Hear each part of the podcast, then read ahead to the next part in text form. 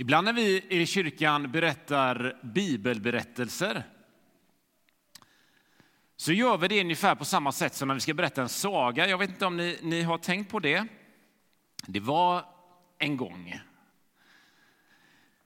Och så kanske det är en, en gubbe som hette Noa som byggde en, en, en båt i öknen eller fåraherde som, som hette Mose, eller vad det nu kan vara. Ungefär nästan som att våra bibelberättelser låter lite som, som berättelserna om Hans och Greta eller de tre små grisarna eller vad det nu är. Och så tänker vi att om de där bibelberättelserna i sig, det, det viktiga är någonstans eh, poängen i dem än, än kanske själva innehållet eller vad vi nu tänker.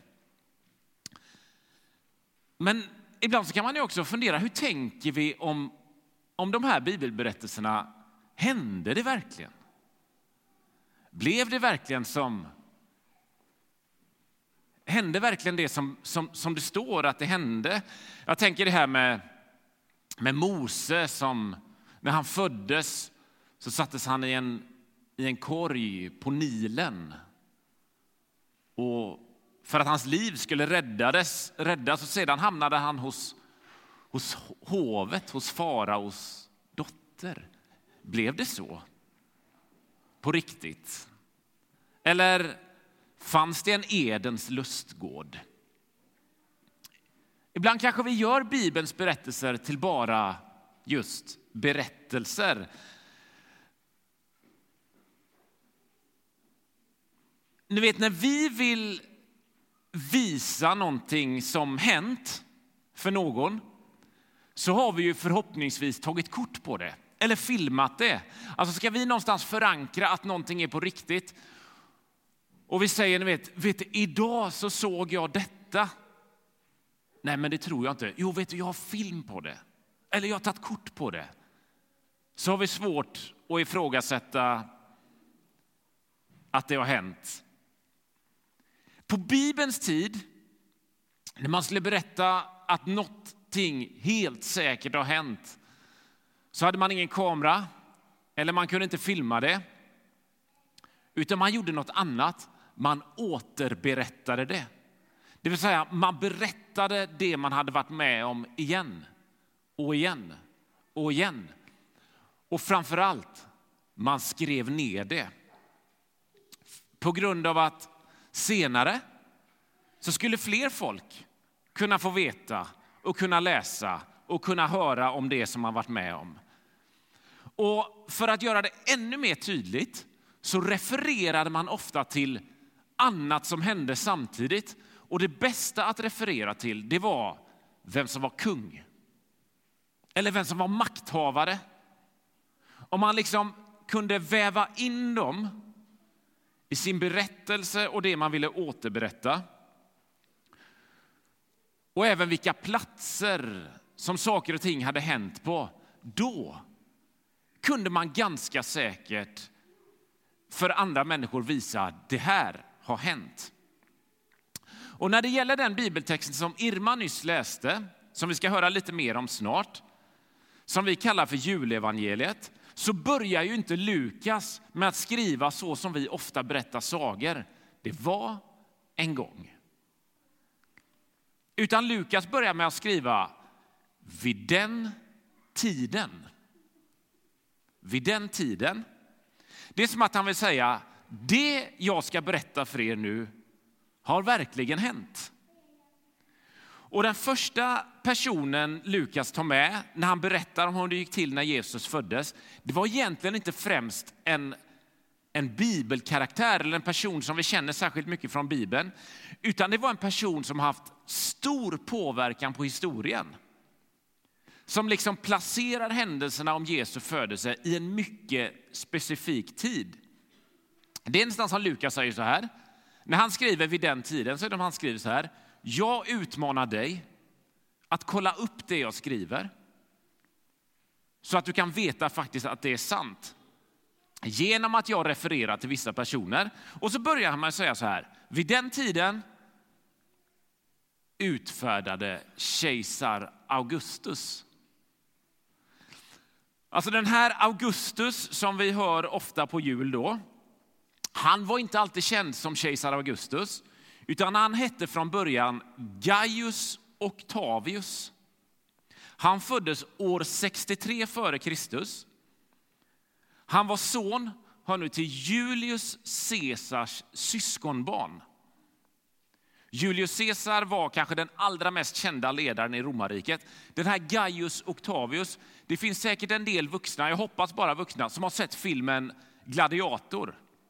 Där dyker Gaius också upp. Han, han gestaltas i den filmen. Augustus då, kejsar Augustus, han var en soldat. Han var en ledare. Och det var när romarna, då som var ett stort rike, de ville inta Spanien. Så såg Julius Caesar hur duktig den här Augustus var. Så när Julius Caesar senare då dog så upptäckte man att Julius Caesar hade adopterat Augustus till sin son. Så att allt som Julius Caesar ägde, allt som hade räknats som hans, tillföll vem då? Jo, Gaius Octavius som nu hette Augustus. Och därför blev också Augustus Caesar, eller då kejsare som Caesar betyder. Och strax efter detta så blir Augustus ansedd som gudomlig. Eftersom Julius Caesar var död sedan några år tillbaka, som också då i den här tiden räknades som, som gudomlig, så blev även Augustus det. Och det ordet, Augustus, betyder just helig. Nog om, om Augustus, glöm honom för tillfället. Tillbaka till vad Lukas skriver. För kejsar Augustus utfärdar en skattskrivning. Alltså en folkräkning. Man skulle räkna hur många människor som bodde i de olika områdena. Människor i hela romarriket som var jättestort skulle räknas. Hade gjorts i olika regioner tidigare, men inte i det här riket. Som, så det här var något nytt. Och bodde man i romarriket så betalade man skatt precis som vi gör. Och det var liksom inte beräknat på antalet personer eh, som bodde i vissa delar. För man hade liksom inte riktigt koll på antalet folk. Utan skatten bedömdes på hur mycket rikedom som fanns i just olika regioner eller olika delar av landet. Men av någon anledning då så får Augustus idén att det här ska man ändra på och därför måste alla människor i romarriket räknas. Man behövde helt enkelt veta hur många människor som bor där så att man vet hur mycket skatt som ska betalas. Men vad Augustus inte bestämde om, eh, eller inte visste när han bestämde om, det var att det här fick en man som hette Josef att börja röra på sig. Nämligen att han skulle ta sig från Nasaret, där han bodde, tillbaka till staden där han hade fötts, Betlehem. Första natten de var tillbaka så får Josef, eller framförallt då Maria, en son nämligen Jesus. Och det här hade profeter, alltså människor som på ett tydligt sätt kunde uppfatta Guds röst, talat om att, tidigare om att det här skulle hända, flera hundra år tidigare. Och det fantastiska var att det var inte bara Marias son som föddes den där natten när Josef hade börjat ta sig från Nasaret till Betlehem på grund av att kejsar Augustus skulle räkna alla människor för att veta hur mycket skatt man skulle betala.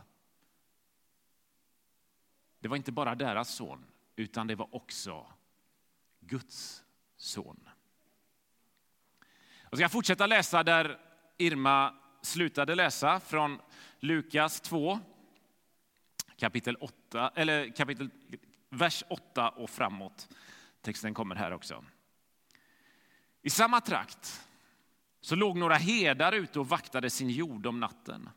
Då stod Herrens ängel framför dem och Herrens härlighet lyste omkring dem och de greps av stor förfäran. Men ängeln sa till dem, var inte rädda. Jag bär bud till er om en stor glädje, en glädje för hela folket.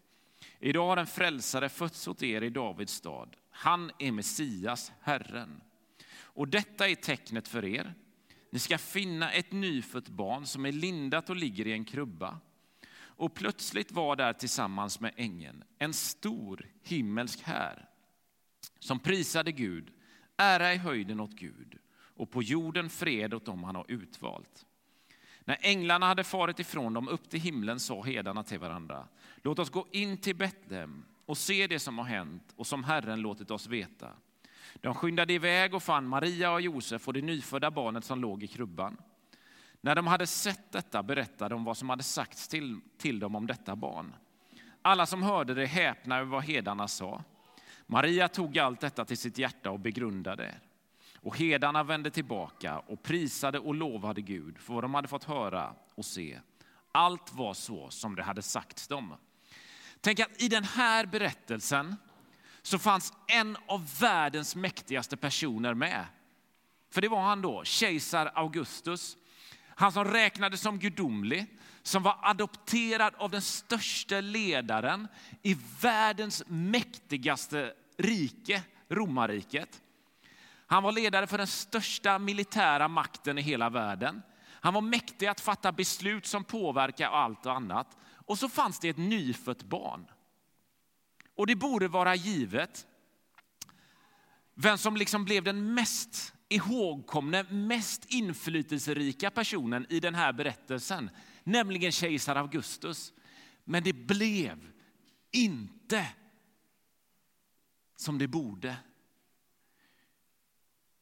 Och anledningen var inte att det inte var Augustus son, utan det var Guds son. Det var inte bara Marias son, utan det var Guds son som föddes. Augustus han påverkade människors liv under de åren han hade makten i romarriket. Vet ni, Jesus påverkar miljarder människors liv genom tiden och fortfarande idag. Två och en halv miljard människor världen över säger sig tro på Jesus som Guds son, som världens frälsare. För han som föddes då var inte bara vem som helst, utan det var världens sanne kung som sagan nyss sjöng om, som föddes där och då. Det var ingen saga, det var inte bara en gång ett par som hette Maria och Josef, utan det var vid den tiden så utfärdade kejsar Augustus en förordning och så vidare. Men framför allt var det vid den tiden så gjorde Gud något mäktigt i vår historia som har förändrat den här världen. Och det är därför som vi också firar jul. Vi ber en bön. Tack Gud för det där mäktiga. Tack för de olika händelserna Kejsar Augustus och Quirinius och Davids stad och Nasaret och Galileen och Betlehem och allt vad det var.